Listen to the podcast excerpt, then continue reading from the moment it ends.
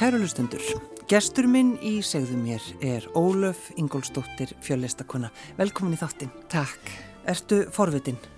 Já, ég held ég verði nú bara við að kenna það. Mm. Gangast við því. Já, alveg óhyggjað. Já. En þegar maður, þegar maður skoðar það sem þú hefur verið að gera, Já, um, þá er þetta svo, þetta er svo mikið á fjölbreytt og þú, mér finnst þú alltaf vera í einhverju nýju, allt í einu uh, sér maður því að hugsa, hvað er Ólöf farin að syngja? já, Og eins og þú segir, þú veist, ég er alltaf byrjandi. já, sko þetta, þetta gæti vist eins og það hefði gerst eitthvað skyndilega Já. því sem farin að syngja. Já, það er En það er alveg sko 11 ára söngnám á baki. Jú, jú. Ég var bara að fá svona hægt og róli gegnum það Já, sem að margir gera nú á munstitri tíma. En það var svo sem ekkert, sko markmiðið þegar ég fór í söngnámi var ekkert að vera söngkona. Ég ætlaði bara að fara í söngtíma til minna góðu vinkonu, Möggu Pálma og kannski kynast röddina eins betur. já. Svo bara heldur maður áfram og heldur áfram og þegar svo er maður bara búin að taka eitthvað stikspróf og, og svo framvegis. Og þannig til maður einn daginn bara útskrifast. Já, og þú bara steinhissa? Já, ég skilja segja að þetta hafi svona, ég sá þetta ekki alveg fyrir á fyrstu stundu. Nei, nei. En ef við svona byrjum á því, sko, hvar byrjar það svona? Því þú, þú kallaði því fjölistakonu, þú er búin að gefast upp á því að er alltaf að skipta um titla. Já. En, en sko, ef við byrjaði þess á bara dansinu. Já, sko, eh, mitt fyrsta listna var samt myndlist. Já. Þannig að ég byrjaði þar. Já, þá, og... þá ætlum ég að segja, byrjum á myndlistinni. Skulum byrja þar frekar. En ég svo sem staldraði ekkert lengi við þar. Ég semst bara kláraði námið og árið setna er ég, eða tvei mánu setna er ég komin í dansná. Já. En þegar ég horfi á, á myndina mínar frá bara skólaárum þá er þetta oft svona eins og svona, getur verið svona upphafa senu, þess að augnabliki rétt áður en eitthvað gerist eða, eða eitthvað er nýbúið að gerast. Þannig að maður segja sjálf svona sögur í myndun og ég málaði semst myndir af fólki. Og, og svo var það þegar ég fór að, að dansa og fór að semja verk, þá var oft svona hugmyndaverki, það var oft svona, ekki alltaf, en oft var einhvers konar mynd. Ég sá einhvern veginn, að það er manneska sem hún er að reyfast þarna og þarna. Já. Ok, hvað ætli gerist næst? þú veist? Þannig að þá verði ég bara búið til þetta verk til að vita hvað gerist næst. Já, þannig að alltaf að búa til einhverju sögu. Ég sögurnar er aldrei langt undan. Mm. Og það maður segir söngnum líka, maður er alltaf með texta og það er alltaf einhver saga, alltaf einhver merking í orðunum, alltaf einhver sem að er verið að miðla. Mm. En þegar þú skoðar eins og þú segir, Ólef, mynd, uh, verkinni, Já, þannig að það hugsaður þá já, þarna var ég sko. Og, og hugsaður kannski líka ég hefði átt að halda áfram. Nei, ég hugsa það nú ekkert, en sko, sko já, eins og vorum að nefna á þetta með að vera eilugu byrjandi, það fylgir því náttúrulega að vera alltaf að byrja okkur í nýju, en sko það sem maður hefur lært áður eða unnið við áður, það fer ekki neitt. Þú veist, öll mentun er þín þegar þú ert búin að tilenga þér hana. Já. og hún verður bara hluti af því sem þú gerir, hvað sem að, hvaða form sem þú finnur því. Og það var margt sem ég lærið í myndlistinni annað en kannski að mála. Eins og bara það að myndlistamenn þurfa að vera sjálfstæðir í sinni vinnu, það er engin svona hópur í kringum til að peppa þau upp og það kemur engin og býður þér hlutverk í myndlistasýningu, skiljur það er einhvern veginn ekki þannig. Og svona þannig að sko það er það er erfitt að vera sko mjög passífur myndlistamæður, þá ertu bara, þá bara hættur að vera myndlistamæður á endanum. Og meðan að sko sviðslistirna sem er nú svona mitt það sem ég hef nú verið lengst af það er svo mikið hóp snýst svo mikið um hóp Já. og vera saman í hóp og búa eitthvað til. Já. og það er svona ekki eins kannski skýrt svona hvað hver og einn listamaður þarf að bera ábyrða á sínu, sínu ferli og sínu framlegi En þegar þú fer sko í dansin og þú, svo náttúrulega ertu danshöfundu líka Já, um, hvað var það svona fyrsta sem þú sko gerðir í dansinum, þú veist, hvað var það fyrsta sem þú samdir? um, sko ég fór endar ég var enda búin að semja með öðrum sm- smá verk áður en ég fór í námi þá ég fór í svona professional nám Mm. það var svona sam, samsköpunarverk með vinið mínum en hérna en svo fór ég þannig í nám að það var bara alltaf verið að láta okkur búa til. Hvar var þetta? þetta var í Hollandi Já. í Arnhem, skóli sem að hétt þegar ég byrjaði skólanum, þá hétt hann Center for New Dance Development. Já, þegar ég lauk námi fjórum árum síðar þá hétt hann European Dance Development Center. Og nú er bara eiginlega búið að loka þessu skóla eða saminan öðrum skóla. Þannig að margt af því sem að var í mínu námi er komið inn í masters program, svona samheilt masters program nokkura dansskóla í Hollandi. Já. Að þetta var svona hippaskóli. Það var sem sagt Nú já, já. já, Kontum bara með dæmi. Það svo að það sem svo að mér finnst bara lýsa svolítið vel, veist, hvernig skólinn var, er að það voru tveir speiklar í skólanum. Og þú hugsaður um dansstúdíu og þá sér oft fyrir svona heilan veggaspeglum, fólk er alltaf að horfa sér í speiklin. Það voru engi speiklar í stúdíóun, það voru tveir speiklar og þeir voru cirka svona 30-40 cm á stærð, annar var inn á klósetti og hinn var í styrtukljófanum. En, en af hverju, ég held einmitt eins og þú segir að fólk væri að horfa á sig til þess að, ekki til þess að dástaða sér, heldur til Já, þarna var bara hugmyndin að dansin kemur innanfrá. Já, og það skiptir ekki svo miklu mál hvernig það lítur út. Eða það er að segja, það hvernig það lítur út er afurða því sem gerist því innra. já. Þannig við höfum bara að byrja því að vinna því innra Mhm. og svo bara sjá hvað kemur út. Varstu sammálað þessu? Fannst þetta var náttúrulega mjög ólíkt því sem ég hafi þekkt áður Mm. að dansi. Ég hafi farið í tíma og, og svona undirbúið mig í svona hefðbundnar umhverfi. Uh, hins var, þá var það nú þannig að þegar ég fór í undirkupróf í þennan skóla í Arnhem, í mínum huga þá var rigning allan tíman, það var helgi, Eh, það er sannlega ekki rétt. en ég kem bara í hennan bæ, ég var ekki eins og byrjuð í þessu undirkuprófi og Arnhem er ekkert sérstaklega spennandi bær þannig að séð. En ég kem að og ég var alveg bara, já, ok, það er hér sem ég vernast í fjögur árin. Og þetta var bara svo rosalega sterk tilfinning. Að ég fer í þetta induguprófi, þetta var tveir dagar af alls konar eitthvað og allt var með fullkomlega framandi og ég var ekki stressuð við neinu. Að því ég var ekki bara svo samfærum með þetta væri málið og þetta var svo óbóðslega gott að ég hafði þetta með mér þegar ég byrjaði í náminu. Að því eiginlega allt fyrst ári, eiginlega öll námskeið það var bara, já, ok, já, er þetta dans? Hmm, ok, og hvað, ó, já, já, alltaf leggir þetta bara og, og svona, þannig að svona, fyrir marga aðra sem að voru kannski búin með frekar langt hefbundi nám, Já. þá var þetta svona svolítið uh, stökk og svolítið svona, sérst, fólk hafi sérstaklega ágjörð því að tapa niður svona tækni. En Sem er svolítið tækni- mikilvæg það ekki í Jú, en svo dansinu. getur tækni bara verið alls konar. Já, þetta já. var bara öðruvísi tækni Já. sem gengur út á svolítið öðrum fórsundum. Þú ert alls svo jákvæð. Já, ég maður sá líka bara að það kom, kom út úr þessu. Og fyrir mig var þetta mjög gott að þetta var svo skapandi. Og það var svo mikið rými fyrir að búa til og líka rými fyrir að vera alls konar. Og ég sem sagt er náttúrulega alltaf sko yng, þegar ég var yngri það alltaf aldrei trúið að ég gæti orðið dansari. Af hverju var það? að því dansari eru litlir og rosalega liður og, og snöggir og ég var af þessu, ég er náttúrulega risastór Já. og ég var freka styrð og ég er ekki snögg. Nei. þannig ég var ekki bara, þess, þetta var svona eins og bara einhver ómöguleiki.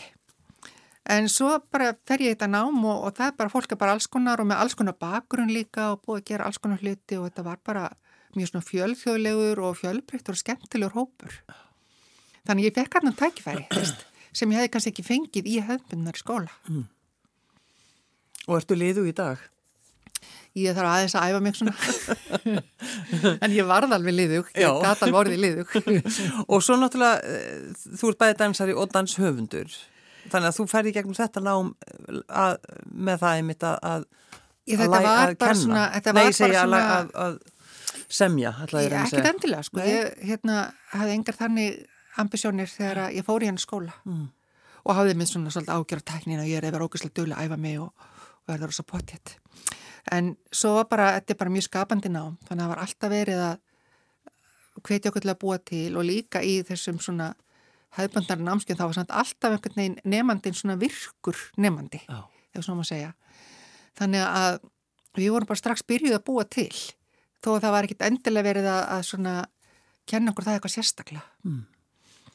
Þannig að það bara gerist eiginlega svona meðfram en þú veist kannski líka komandi úr myndlistanámi þar sem að bara þú framkvæmir þínar hugmyndir ef þú vilt að verða veruleika.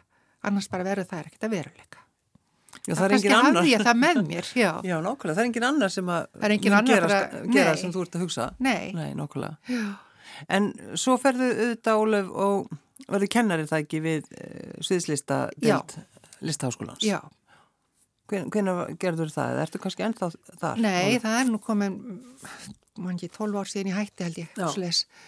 Og ég var þar í 8 ár og ég kendi leikurum, aðalega. Mm. Það var reyndar nokkur námskeiða sem að voru nefnendur á öðrum deildum hjá mér, en ég kendi aðalega leikurum, Mm. með reyfing fyrir leikara. Og, hérna, og það var mjög skemmtilegt. Bara skemmtilegt umhverju að vera í listaháskólanum og skemmtilegt að mæta fólki á þessum stað þegar það er svona um, komið inn á vettvang listana og er svona aðeins að máta sig og er að læra og er að þróast og er að finna út úr svona mörgu og já, þetta er bara, bara mjög gaman að vera með nefnd og mjög gaman að kenna svona yfirleitt mm. og, og þegar að sko veltekst til sko þá nærir kennslan kennaran ekki síður en nefndan mm. Og svo náttúrulega þeir sem eru í leiklistinni, það, það er einmitt alls konar fólk það er ekkit ólí, ólíkar mannesku. Já, já, það er alls konar. Sko. Ekki til einhverju svona dansarar. Nei, en það var ég ekki sko, við kendiðum alveg dans mm. en ekki til þess að þau eru dansarar mm.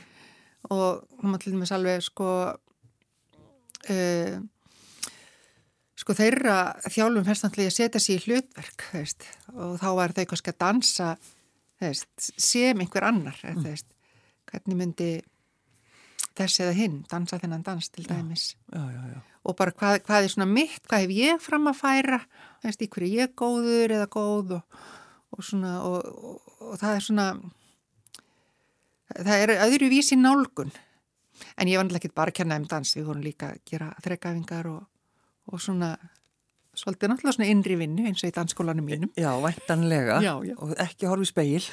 Nei, nei, bara hlusta á hvernig frumötnar er að reyfa sig. Já, mér er svolítið gott, þú nefndir þetta hefði verið svona heipaskóli. Já. það er svolítið gott. En... Og það var reynda líka, kannski út af, segja það líka út af kennurun, mm. en það voru svona upp í staðan af kennurun sem var að kenna þarna, er fólk sem að kannski var að stíða inn, inn, inn í listina á hippatímanum í New York. Já. og það er svona hugmyndafræðina bakveðina skóla kemur svolítið þaðan. Það sem var mikil, mikil tilraunir mikla tilraunir með form og einmitt þetta svona kannski, kannski meira konsept heldur en tækni. Mm. þá svolítið kemur svolítið úr þannig hugmyndaheimi. Og þannig að sko hugmyndafræðin er svolítið eh, sótt þangað. Er þetta ennþá þú veist, notað eða er þetta bara orðið Já, sko, það er, nei, það er svolítið skemmtilegt sko að bara á síðustu árum hafa tvær konur sem að kendu mér Deborah Hay og Simone Forti. Sko það voru alveg, það voru engin unglum þegar það voru að kenna mér fyrir 30 árum. Og það eru núna búin að fá svona á síðustu árum sko orðna bara heimstektor og mjög eftirsottur um allan heim. Það er eins og sé komið eitthvað svona að fólk er aftur að sækja í þennan brunn. Já það er skemmtilegt. Já. Já. En hvenar fannstu svo þess að þörf, Ólef, að, að, að sko þú vildir ebla danslistina á Íslandi, þú veist, það er þessi, svona, þessi kraftur að, að vilja, vilja koma þessu svona áfram? Það kom bara mjög fljótt. Já.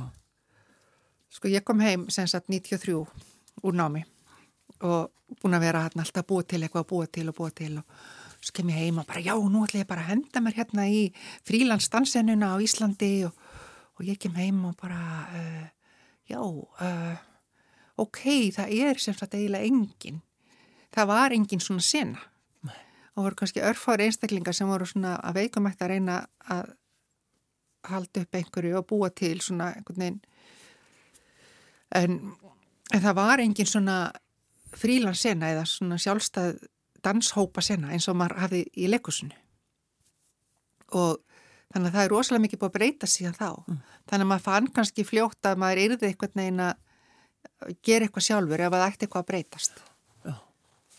og þannig bara byrja maður einhvern veginn og svo byrja maður að hitta eitthvað fólk og maður fyrir að tala saman og þá kom einhverja hugmyndir og, og svo framvegis sko. Já, já, og svo náttúrulega alltaf þessi, þessi umræða um húsi það vantar uh, vantar uh, danshús og allt þetta sko Já, já, það vantar verkfang og, og alls konar aðstöðu já. en til dæmis Reykjavík Dansfestival mm. það spratt upp úr, það var hópur við vorum fimm dansöfundar öll og hver áttinu, búin að vera að læra mismöndi stöðum mm. og áttum þannig að séð ekkert kannski augljósa snertifleiti í listinni Nei. en við vorum allir í þessari stöðu að reyna að finna einhvern veginn hvernig getur við haldið áfram að skapa, hvernig getur við búið til vettfang fyrir verkin okkar og hvernig getur við hvernig stutt hvert öðru og það er náttúrulega það sem er briljant í þessu að við ákvæmum fartalegu, hvernig getur við stutt hvert annað mm -hmm.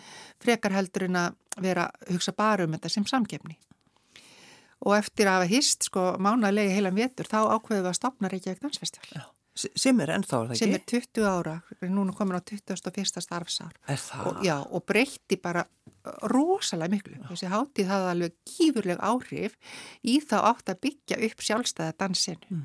Þegar komin einhver vettfangu fyrir verkin, það kemur kvati fyrir fólk að fara að skapa og fara að búa til og geta gert það inn í einhverju samfélagi. Já og svo bara einhvern veginn lifnar allt við þegar, þegar festivali byrjar í já, Reykjavík, já, já. þetta er svo skemmtilegt og það er alveg á, ólíklugustu stöðum þar sem er verið að dansa, það er, það líka alltaf svo, svo gaman að fylgjast með þessu. Já, já, og hún hefur tekið alls konar sveiplur gegnum tíðina og í mér sliðarspor og mér smöndu útfæslur en, en þetta er ennþá bara mjög stert afl í íslensku danslífi. Já, já Það er bara svona þegar fólk sapnar saman og byrjar að tala. Já. og eins og þú segir líka, þú veist, verður ekki einhverju keppni heldur bara að vinna saman til þess að koma dansinum já. á kortið. Já. Já, en um, þegar þú færð svo sko, þetta á ekki að vera eitthvað um það að þú að, að, að Ólef, hún er alltaf byrjandi það er samt ekki þannig. En eh, hagnýtt menningamilun svo ferði það. Já Já, ég gerði það og það var hérna... Tekur meistragráðu í hagnýttri menningamilun. Já, það kom þann tímabil þegar ég hætti í listaháskólanum. Mm. Það var endar ég hérna, hætti af því að ég hérna, var á eins og slæmi njánum. Að, það var ekkert gaman að kenna lengur Nei. og geta ekkert gert nýtt sjálfur. Þannig að ég fór svona að leita annar leið og þá fór ég meðalans að lærði þetta hagnýtt menningamilun mm. sem hefur reynst mig bara mjög praktist og því það snýst svona meirum að læra aðferði til að miðla að þú veist eitthvað um eitthvað, hvernig getur þú miðlaði til annar? Já. Skiljur, þú getur búið til útvarsþátt eða hlaðvarp, þú getur gert vídeo, þú getur gert stuttmyndir eða þú getur skrifa greinar eða bara gert, unni með ljósmyndir, bara hvernig getur þú miðlað þinni þekkingu? Mm. Og það var líka skemmtalt í það er fólk bara úr sko, kannski sakfræði eða þjóðfræði eða bókmyndum eða fólk með mismunandi bakgrunn mættist þarna í þessu. Já. Að þetta snýst meður um aðferðir. Það eru rosa, það eru margi sem að fara í gegnum þetta ná. Já.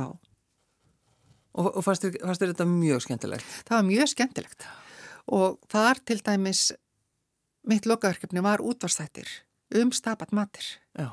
sem er sem sagt tónverk eða stapat matir reyndar Marjukvæði sem er búið að gera mjög mikið á tónverkumum mm.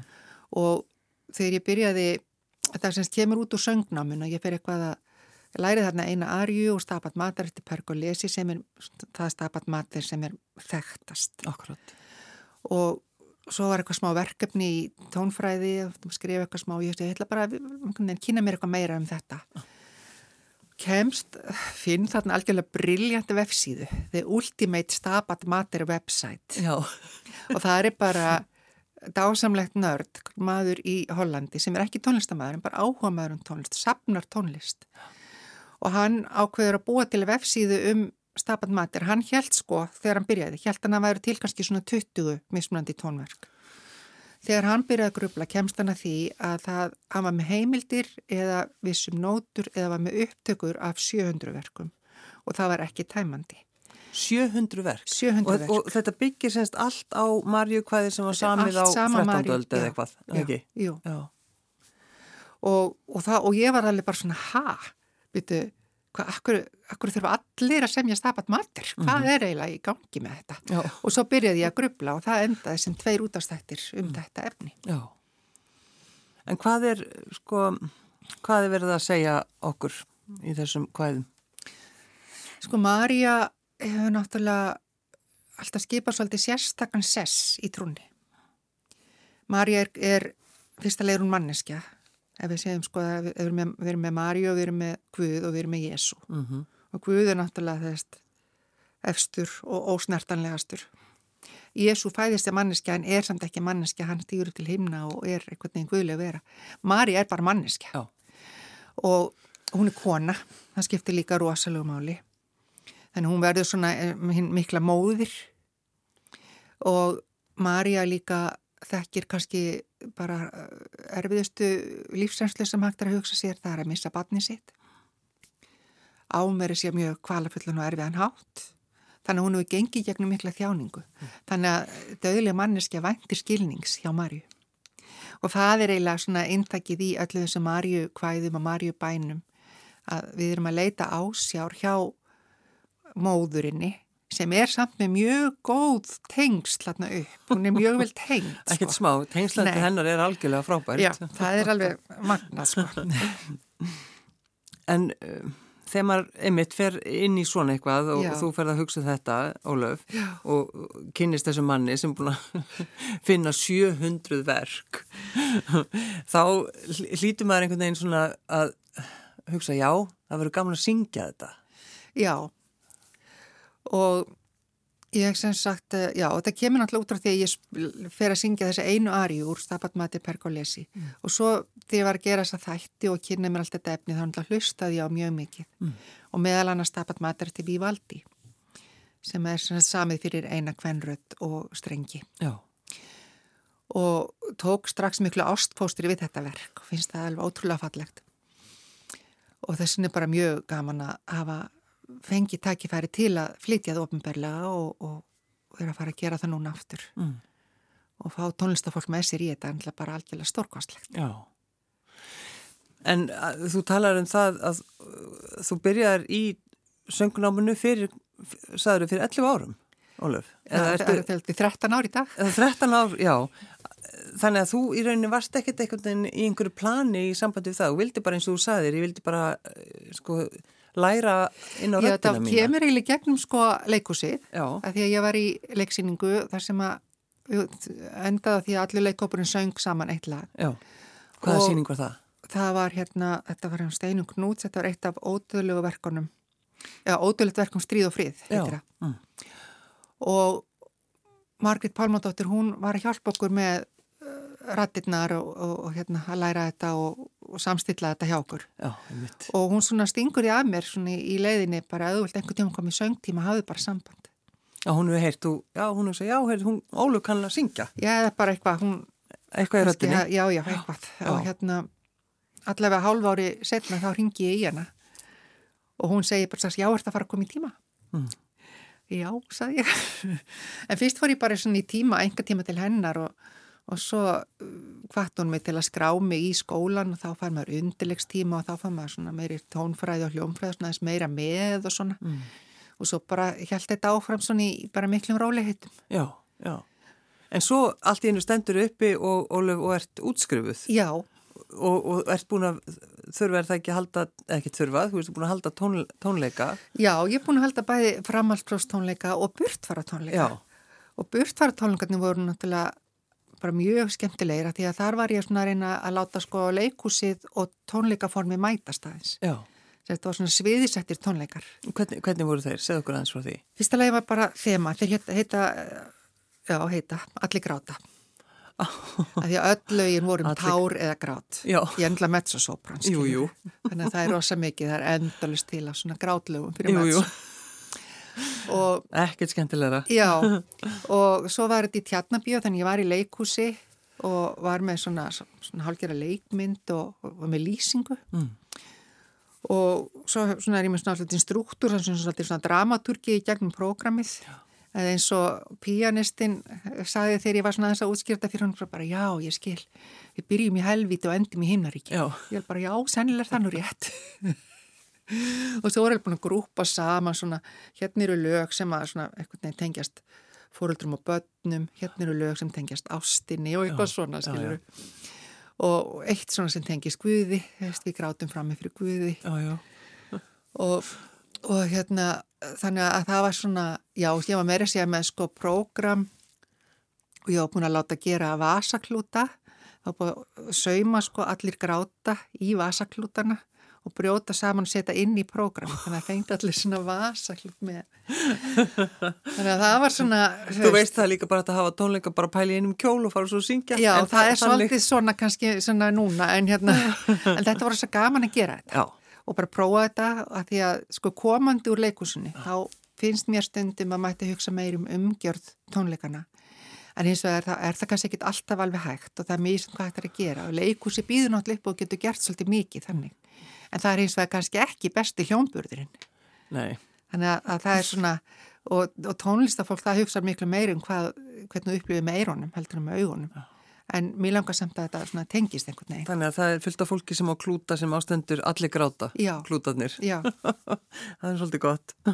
og leiðir vel að standa þarna ekki að dansa heldur, til, heldur að syngja. Hvernig leiðir með það?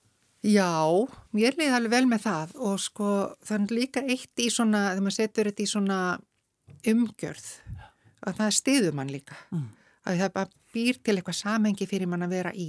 Maður er ekki alveg eins berskjaldadur.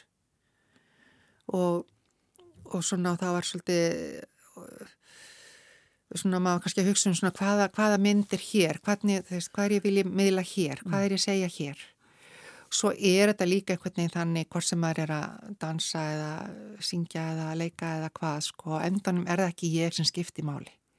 Þess, það er bara þessi ótrúlega fallega tónlist eða, eða það sem maður er að miðla. Mm -hmm. og mitt hlutverk er á endanum bara að reyna að vera ekki fyrir. Og leifa þessu bara að gerast. Já. en ég við ekki alveg að ég á búin að æfa mjög mikið til að geta verið ekki fyrir. Já, vera ekki fyrir. en hvernig verður þetta þá? Þú ætlar að vera með tónleika núna annan apríl. Já. Og þetta er náttúrulega, náttúrulega smelt passar að vera um að syngja þessa tónlist á þessum tíma. Það er náttúrulega páskarnir að koma og allt þetta. Já, og stapatmættir er mjög tengt páskum já, já. og, og stapatmættir pergolesi er mjög víða flutt til dæmis að första í langa. Akkurat. Þetta er endar við erum hérna á Pálmasunnudag þannig að við erum svona aðeins á undan. Já, já, já, já, nokkulega. Og hvað ætlar að syngja fyrir utan það sem þú erst búin að nefna, Perklesi? Já, það er hérna uh, fyrsta lagið er sér vögguvísa Marju þar sem að hún er að svæfa drengin sinn mm. en hún sér um leið fram í tíman, hún sér alla þjáningarnar sem eiga eftir að mætonum og eins og hún segir sko ekki gráta setna verður nægur tími til að gráta. Já. En, en hún er samt að endan, er hún bara að svæfa barnið sitt. Þannig við byrjum kannski með Marju og, og, og barnið. Um, síðan eru, það eru tvö verk sem að strengja kvartettin flytur bara einn og sér. Og þetta eru hvort ekki verk eftir Vivaldi og það var ekki fyrir um búin að velja þessi eh, lög mm. að ég, þessi verk að ég áttaði maður á að það heita sko annars vegar Sónata al Santa Sepulcro hins vegar Sinfonia Santa Sepulcro. Og það er sem sagt þá er þetta sónata og Sinfonia uh, um hérna helgu gröf. Og hinn helga gröf er náttúrulega bara gröf Jésu þar sem mm -hmm. hann var lagðið upp til kvílu og reysið hann upp frá döðum uh, síðan er ein ari eftir Purcell sem er ekki beint hún er ekki trúarleg en hún fjallar um svona örlögastönd og aðskilnað, það er við hann aðskilnað. Og þannig að hún fær að vera þarna með. Oh og síðan er kannski hryggjarstykkið er stabatmater eftir Vívaldi Já. sem er svona lengsta verkið og, og í nokkrum köplum það sem er Marja stendur við krossin það sem að sonur hennar er krossfestur hún sem sagt fylgist með honum degja mm. og það er náttúrulega bara mjög uh, tilfinningatrungi og erfi stund en um leið sko stabatmater í hvæðinu þá er sko ljóðumælandin, hann lýsir því sem hann sér, hann sér Maríu standa við krossinu, sér allt sem að Jésu gengur í gegnum. En hann segir líka, leif mér að standa með þér í þessari þjáningu, leif mér að deila þessari þjáningu mm. og hjálpa þér með þínar byrðar. Þannig að það er líka svona samúð og hluttekning með Maríu. Þannig að það má segja við förum svona, svona gegnum bara við fylgjum Jésu frá fæðingu til dauða frá sjónarhóli Mari mm. hún er svona þráðurinn í gegnum En er það þá bara þjáningin eða Nei, það endar náttúrulega allt í paradís. Það endar, það endar það skulum ekki gleyma því. Já, já. Endar allt í paradís. Já, já, já. En uh, já, einhverja litla ljóðabók sem þú hefur skrifað Já, Þú hefur svolítið verið að gera það. Við glemdum alveg að ræða það Svona áður en ég sendi þið heim á þessum ákveðta morgni. Já, Ólöf. já, já, þetta er ljóðbók, en sko ég, fyrir mér var þetta myndabók eiginlega. Þetta er bara myndir í orðum. Þannig kemur kannski myndlistamæðurinn aftur, svona, hann fór kannski aldrei neitt. Nei. Að því að hvert ljóð, þetta er sér að þetta eru textar sem ég skrifaði þegar ég var í Bónis Æres. Þeim vikur, ég skrifaði svona smá text á hverjum degi og setti mér það markmið að, að, sko, að hver teksti væri heilmynd. Væri einhver lýsing á einhver sem ég hafi séð eða upplifað, þurfti að vera svona ein mynd já, sem kemur já, yfir. já. þannig að þess vegna er svona bókin líka fyrir mér er svona svolítið eins og myndalbum nema þetta eru bara orð. Já, og þegar þú lest ljóðun þín, sérðu þá, er þá myndin alveg, kemur hún bara strax? Já, já, Já. Þannig rauninni, þú veist, myndlistin er bara, það er rauðið þráðurinn einhvern veginn í öllum þínu Ég verkum þess að segja það, sko, að, sko, að þó þú byrjir ángur í nýju, þá tekur samt með þér það sem hefur uh, öðlast fram að því. Já, Þannig að það fer aldrei neitt og, og fyrst, öll mentun er góð. Við bara nýtum hana kannski stundum á svolítið annan hátt heldur en við heldum uppalega myndin já, gera. já, já. Og sem betur fer, auðvitað, Já, stundum. já, já, já, já. En hvað varst að gera í Búnus Æris? Akkur varstu þar? Það var ég, um, það var, ég var að uh, semja mitt uh, síðasta sóló sem ég, Engin dramatík. nei, nei, sko, ég þetta er að fara að gera nýtt, en, en þannig að, sko, er comeback væntanlegt, Nú, já, já. en ekki alveg strax. En, en sem sagt, og ég var að dansa tango. já. Þannig að þess vegna var Búins Æris góðu staði fyrir mig til að vera svona í tango. En hvað meinaru síðasta sóló? Hvað ert að tala um þar? Dan- ég semst var að undurbúa sóló Já. og það var, reyndist, semst ég það var sínt 2010 Já. og ég hef ekki samið svona uh, dansverk, svo heiti geti, síðan þá. Það verið svona smá svona atriði, myndi ég frekar kalla það, sem Já. ég hef samið síðan. En, en af hverju? Það var bara þessi njámeðsl og, og, og svona, og maður svona, maður verður líka svolítið þreyttur á þessu harki í sjálfstæðisernunni og þetta kemur kannski svolítið svona, akkur er ég að þessu og, og þú veist, akkur er ég að þessu ef mér er illt í njánum, Já, kannski ætti ég bara að prófa að gera eitthvað annað. það er eitthvað svolítið góð, góð, góð spurning en mér er illt í njánum af hverju er ég að gera þetta? Já, nefnir bara að prófa að gera eitthvað annað Já, og það var líka bara fínt. já. En þú kannst dansa tango með, með þessi njö, væntanlega. Já, sko, eh, já, ég gata. Já. Hvernig er að dansa tango í Búnus Æris? Það er mjög aðtilsvert og það er, það er alls konar, það er bara mismunandi staðir og mismunandi uh, aðstæður. Og þetta er svona uh, sko það er þetta nálgast þetta fleiri neitt veg, því sko ég held um þess að við hér nálgast hanga og allt öðru seldur en fólki íbúin særis Já. og sko að þú ert Er það ekki bara að tólka alla tilfinningar í gegnum dansin? Jú, en þetta er líka bara að skrepa á ball, Já, þú veist, í rauninni, já. já. Það sem kannski svolítið fyndi, eða svona svolítið öðruvíseldur en hér til dæmis, eða fer á svona tangostað Mm. í Búnus Æris, þá er sko það er bóðið upp með augnatilliti. Þannig að það er alltaf svolítið góð lýsing. Já, Skiljur að því konurnar sitja hérna kannski við hægri, hægri hlið danskólsins og, og, og kallarnir sitja það annarkvært beint á móti eða svona, og svo eru pörstundum hérna á langendanum þá. já. Og svo þarf fólk að sjá, þú þarf að sjá hérna einhvern sem er hinum meginn til að geta bóðið upp eða geta verið bóðið upp. Og, Þannig og, og konur meg að bjóða upp þá eða? Jú, það er samt yfirvild ekki, en svona, það- já, þetta er svona alls konar svona, uh, sam, svona kóðuð samskipti Já, í því, sko. sjálfsögðu, bara já, eitthvað vittlisu hérna. já, já, það er bara, það er hort á ákveðin hátt og það er svona horfðu þú ákveðin hátt á móti og Já. Hvort að, hvort að viðkomandi megi þá koma yfir gólfið og bjóða þeirru. Já, þannig að þú getur auðvitað sagt, þú getur valið að... Þú getur líka bara ekki og ekkert já, sé. þú getur bara ekki sé, þú veist, ef þú sérði ekki þetta augnantillit, þá náttúrulega svarar því að... Lendur í því? Uh, já, já, maður lendi bara í alls konar. Já, og, og, og, og það er líka kannski að kunna á augnatillitið, vita Já. að þú veist, hvað er, hvað er hann að meina? Já, já, það samt lærist nú fljótt. Já, já. En fóstu þá einhvern svona námskeið til þess að læra tango eða fóstu Já, bara til ég þess hef búin að læra hérna heima, sko, Já. hjá Bryndís og Hanni, Já, einmitt. sem að- er náttúrulega tango kennar í Íslands. Jú, jú, akkurat, akkurat. Og þannig að ég fór svona svo- með svolítið undirbúning í farteskinu. Já, en vildir einhvern veginn, Já, ég var svona svolítið að slá tværflugur í einu höggi, sko. Að vera svona í, búa mér til svona mína eigin listamannaresitensju. Bjóða svona gisteheimili og þar var lítill svona dansalur, að þetta var tango gisteheimili. já, tango gisti Og þar gæti ég verið að æfa mig fyrir mitt danssóló sem að ég var svona að vinna í. Og svo fór ég líka enga tíma í tango og, eða í svona hóptíma og, og svo fór maður á dansstað á kvöldinu svona. En það sem er framöndan, auðvitað hjá þér núna, Óluf, það eru, það eru þessi tónlingar, Mildin Já. Mjúka. Já. Uh, ég baði að velja eh, tónlist, segðu okkur frá þessu hvað við erum að fara að hlusta á í lokin. Já, sagt, þessi tónlist er öll barokk tónlist og mér fannst tilvalið að heyra bara upphafið á stapat matar eftir Vívaldi. Mm. Og þetta ætla þú að syngja er það ekki í, á tónlingunum? Já. Já. Óluf Ingolstóttir, fjölistakona, takk fyrir að koma. Takk fyrir mig. Thank you.